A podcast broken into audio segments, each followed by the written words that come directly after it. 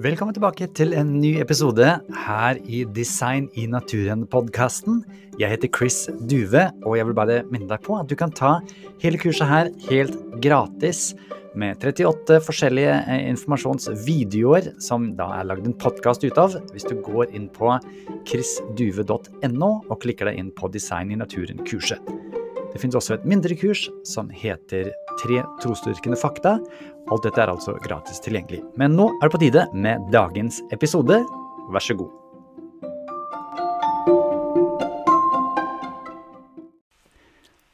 Hei, det er Chris her, og i denne leksjonen skal det handle om evolusjonens ikoner del to. Om malariaresistens, om overflødige organer, junk-DNA og homologi. Det er et interessant sitat fra en kinesisk paleontolog som sier i Kina er det greit å kritisere Darwin, men ikke regjeringen, mens det i USA er greit å kritisere regjeringen, men ikke Darwin.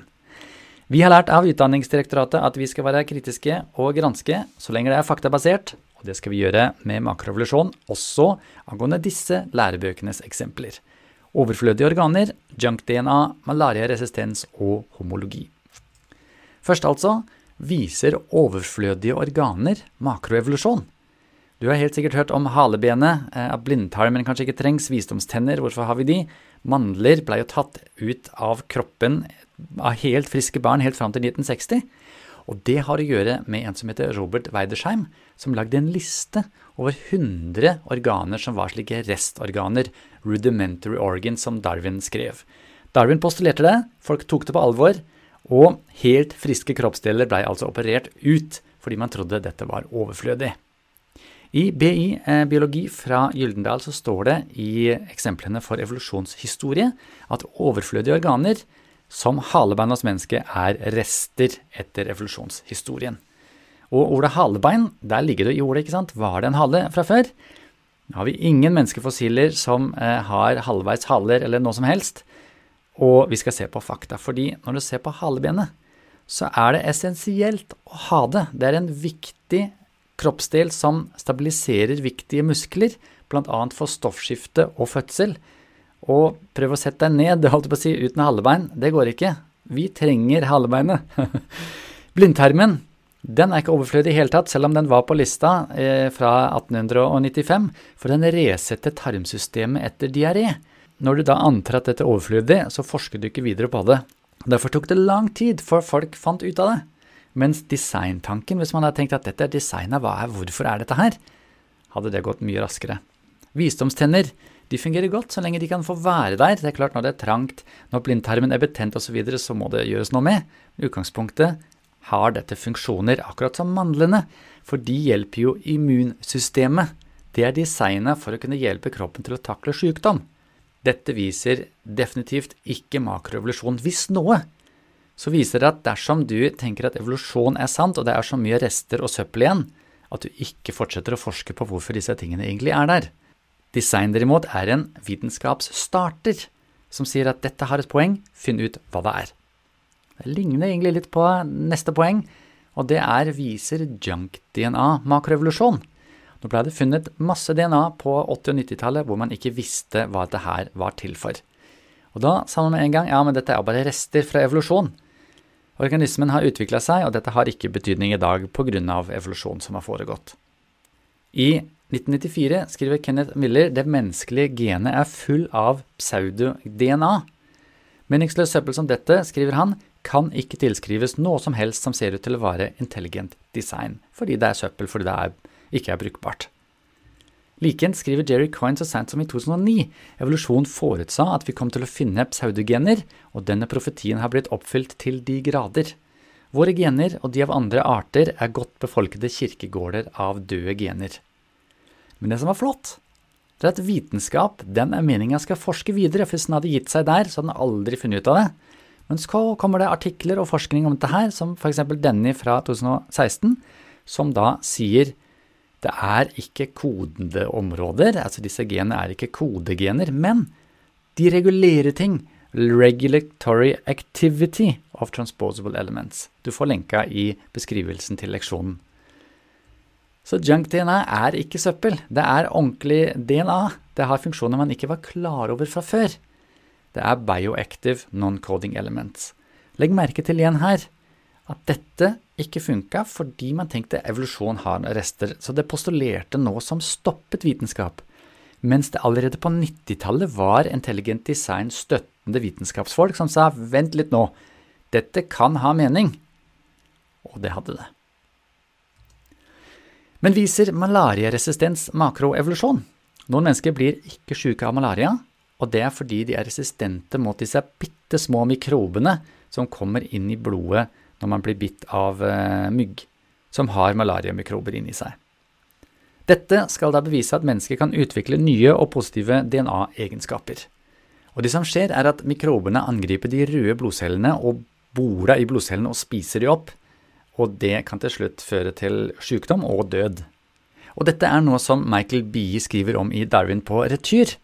At uh, slik det fungerer, er at en rød blodcelle de har jo å gjøre med oksygen, ikke sant? og da er det noe som heter hemoglobin, som det er med å levere oksygen.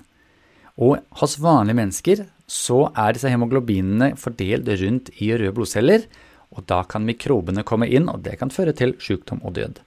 Men noen få mennesker de har hemoglobin som klumper seg etter at oksygenet er levert. Og da greier ikke mikroben å komme inn i disse røde blodcellene, og det mennesket får ikke malaria. Men det er en pris å betale. Og fakta er at det fins flere mutasjoner som gjør at mikroben ikke klarer seg. F.eks.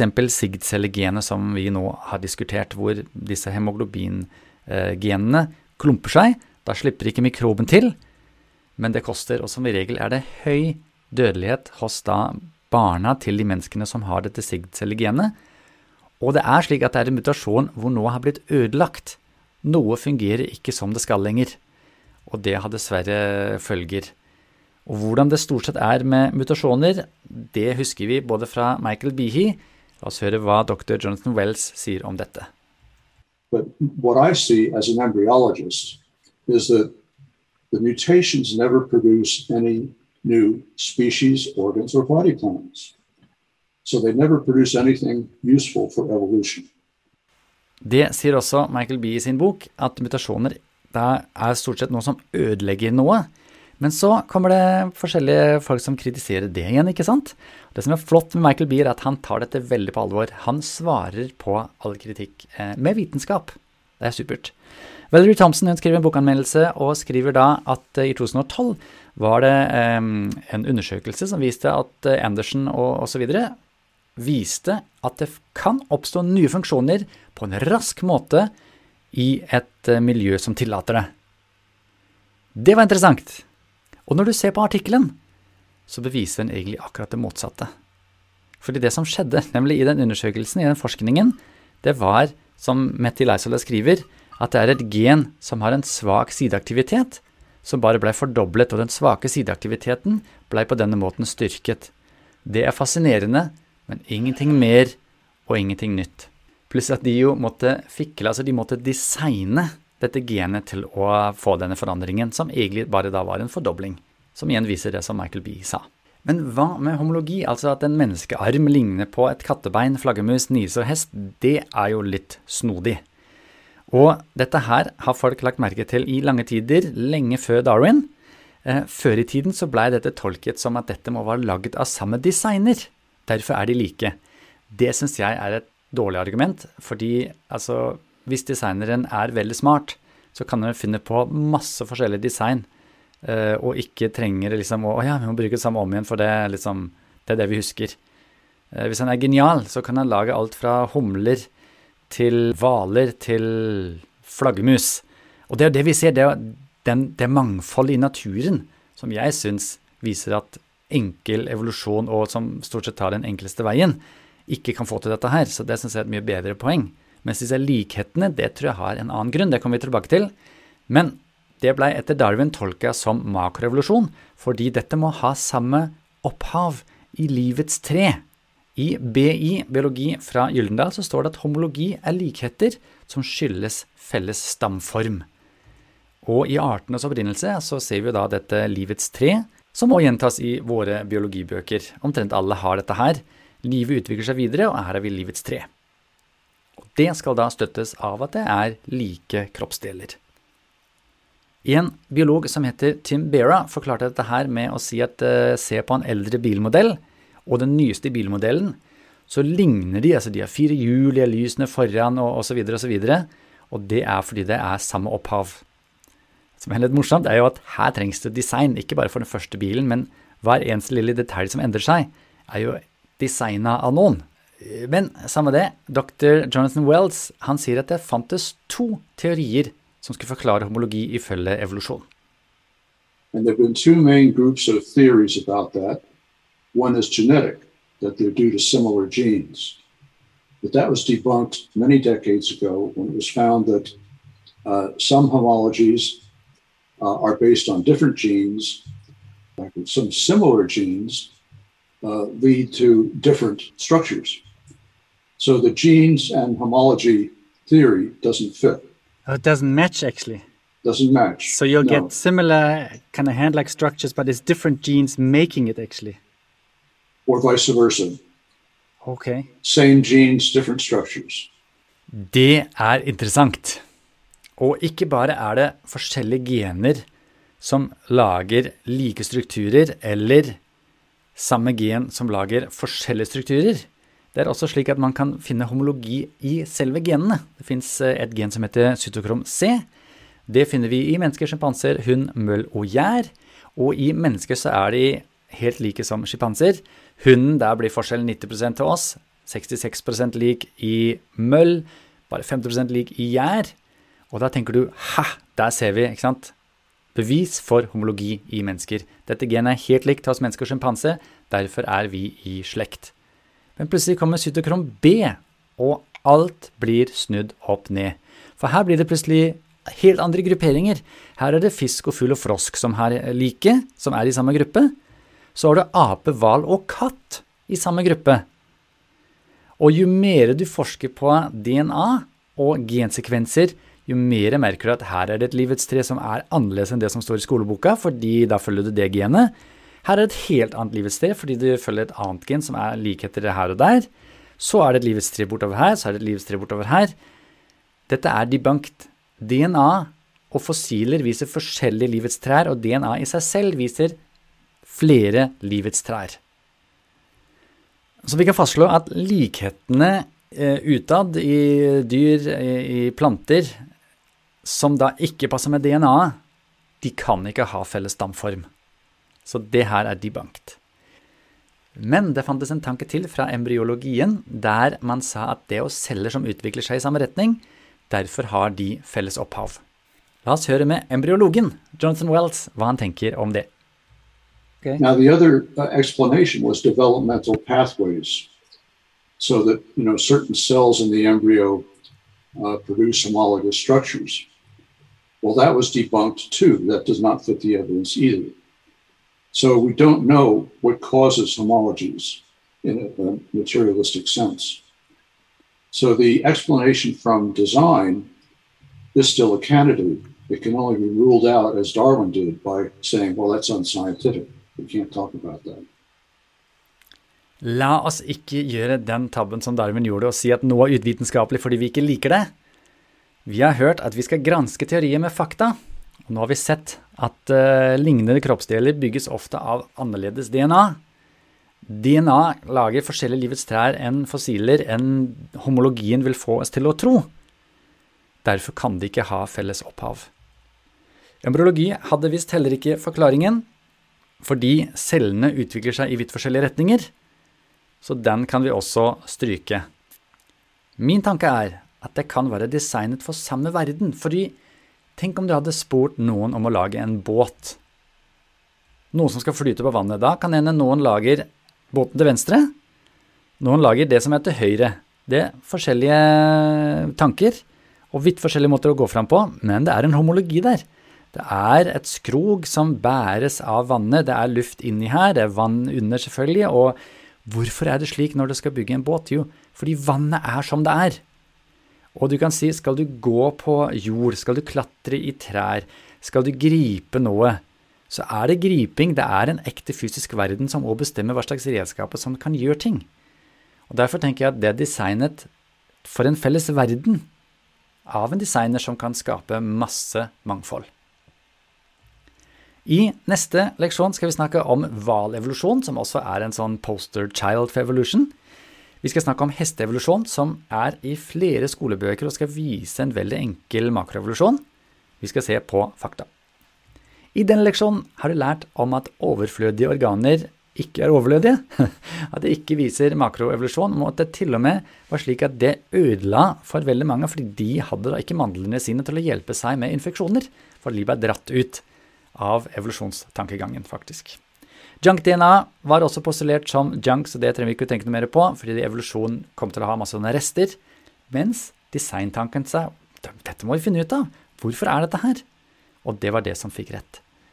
Malariaresistens er rett og slett mutasjoner som ødelegger ting som kan være positive i det korte løp, men som så går over i høy barnedødelighet, bl.a. Og sånn viser det seg til å være med de aller fleste mutasjoner, at der er det en eller annen kostnad. Homologi, som da påstår at dette viser eh, felles opphav, den må vi være litt forsiktige med, fordi den har blitt litt redefinert også. Fordi hvis du definerer det ordet som at homologi viser felles opphav, så kan de ikke etterpå si ja, men homologi også beviser felles opphav. For da er det jo bare det ordet som du har brukt for å bevise det som du vil bevise. Det går ikke. Men når du ser på faktene, så er ikke DNA-trærne eller fossiltrærne eller homologitrærne noe som stemmer overens. Derfor kan du glemme at dette har felles opphav i forhold til homologi. Det passer ikke, det stemmer ikke med fakta. Tid for action, og denne gangen skal du få en litt spesiell utfordring. Fordi i de fleste skolebøkene så ser man disse embryotegningene fra Ernst Heckel. Fisk, kylling, gris og menneske ser ut til å være veldig like, som du ser på den tegningen her. Eh, det påstås i eh, skolebøkene at mennesker også har gjelleanlegg i, i utviklingen. Eh, jeg ler, jeg beklager, men jeg tenker at du nå får som oppgave å sette deg inn i det her. Viser det til makroevolusjon, eller er det Liten spoiler alert. Er det fake, er det fake tegning i skolebøkene? Er det fake tekst? Er det feil antag? Altså et direkte faktafeil? Dette kan du undersøke. Tenk deg gjerne også en samtale eller ta oppgavearket, og spørsmålene er kan du komme på noen overflødige organer som ikke er overflødige allikevel? Hvorfor blei søppel-DNA først kalt søppel, men så blei det endringer? Hva skjer når noen blir resistente mot malaria, og er dette positivt i det lange løp? Og hva betyr ordet homologi? To betydninger. ikke sant? Det ene er at det er likheter, det andre er likheter fordi det har felles opphav. Jeg må bare røpe det, også, det kan du gjenta når du, når du, jobber med det. Det er litt viktig å holde tunga rett i munnen. Um, men i det hele tatt, hvorfor er det et dårlig bevis for makroevolusjon? Her er det en del detaljer. Hvis du trenger å se videoen en gang til, gjør gjerne det. Men få dette her på plass, for dette er viktige ikoner som er lett å ta fra hverandre når man ser på fakta. Dette klarer du.